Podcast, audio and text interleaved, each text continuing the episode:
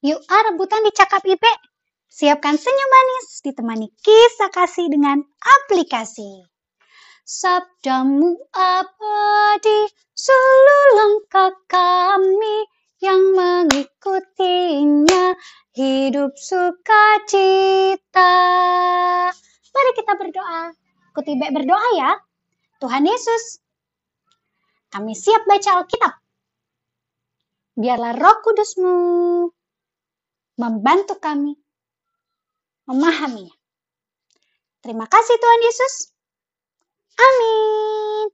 Hari ini kita akan baca lagi dari kisah para rasul 3. Kisah para rasul 3 ayatnya ke-21. Ayo, masih ingat nggak ya kisah para rasul itu perjanjian lama atau perjanjian baru? Baru. Perjanjian baru. Siapa yang jawabannya seperti Reone tadi? Angkat tangannya. Wow, good job. Sekarang ambil posisi paling enak. Kita akan baca kisah para rasul 3 ayat yang ke-21. Kristus itu harus tinggal di sorga sampai waktu pemulihan segala sesuatu. Seperti yang difirmankan Allah dengan perantara nabi-nabinya yang kudus di zaman dahulu. Demikianlah firman Tuhan. Hmm, masih ada yang ingat gak ya cerita kemarin? Petrus dan Yohanes yang sudah turun tuh lidah-lidah api. Apa tuh lidah-lidah api ya? Yang turun di atasnya Petrus dan Yohanes dan orang-orang percaya? Roh Kudus. Ya, lidah-lidah api itu adalah Roh Kudus. Dan mereka punya kuasa dalam nama Yesus yang akhirnya memberikan kesembuhan bagi orang lumpuh. Masih ingat ceritanya? Tiada emas perakku untuk kuberi padamu. Tapi yang ku punya terimalah. Dalam nama Yesus berjalanlah. Ya, Petrus dan Yohanes ketemu sama seorang laki-laki yang lumpuh. Lumpuh itu kakinya nggak bisa diapa-apain. Nggak bisa ke mana-mana, nggak bisa seperti adik-adik. Lari-lari, lompat-lompat. Bacaan hari ini adalah lanjutan kisah kesembuhan orang lumpuh. Ternyata banyak orang yang lihat orang lumpuh itu sembuh, melihat kuasa dalam nama Yesus, membuat orang-orang jadi percaya. Mereka heran. Wah, orang lumpuh ini yang udah umurnya hampir 40 tahun, kok bisa sembuh ya? Mereka ngikutin Petrus dan Yohanes. Akhirnya Petrus cerita lagi deh tentang Tuhan Yesus kepada orang-orang yang ikuti mereka. Cerita Petrus mau kasih tahu bahwa Tuhan Yesus itu sanggup memulihkan. Pulih itu apa sih? Pulih itu jadi baik. Pulih itu jadi sembuh. Yang tadinya no no no no jadi good job. Yang tadinya sakit jadi sembuh. Tuhan Yesus mati di kayu salib. Bangkit lalu naik ke surga. Untuk siapa? Untuk Ibe dan adik-adik. Untuk kita semua manusia. Jadi kita bisa bebas dari dosa. Tugasnya Ibe dan adik-adik supaya bisa merasakan pulih itu atau menjadi baik dan sembuh adalah bertobat.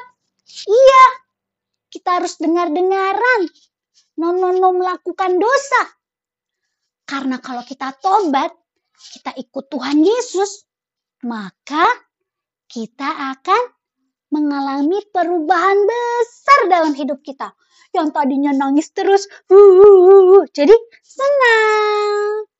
Yang tadinya marah-marah terus, seperti Ibe marah-marah sama siapa? Sama One. ya, jadinya nggak marah-marah, jadi sayang-sayang. Kalau mengingatkan boleh ya, tapi no no no marah-marah ya. Jadi ada lagunya adik-adik.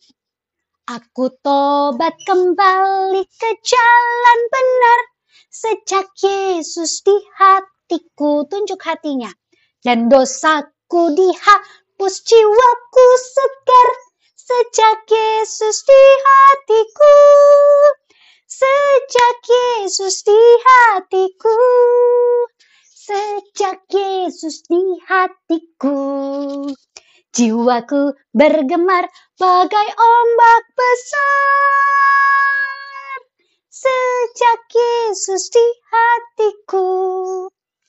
Ya, perubahan besar pasti akan terjadi dalam diri Ipe dan adik-adik. Kalau kita bertobat. Sekali lagi kita nyanyikan ya.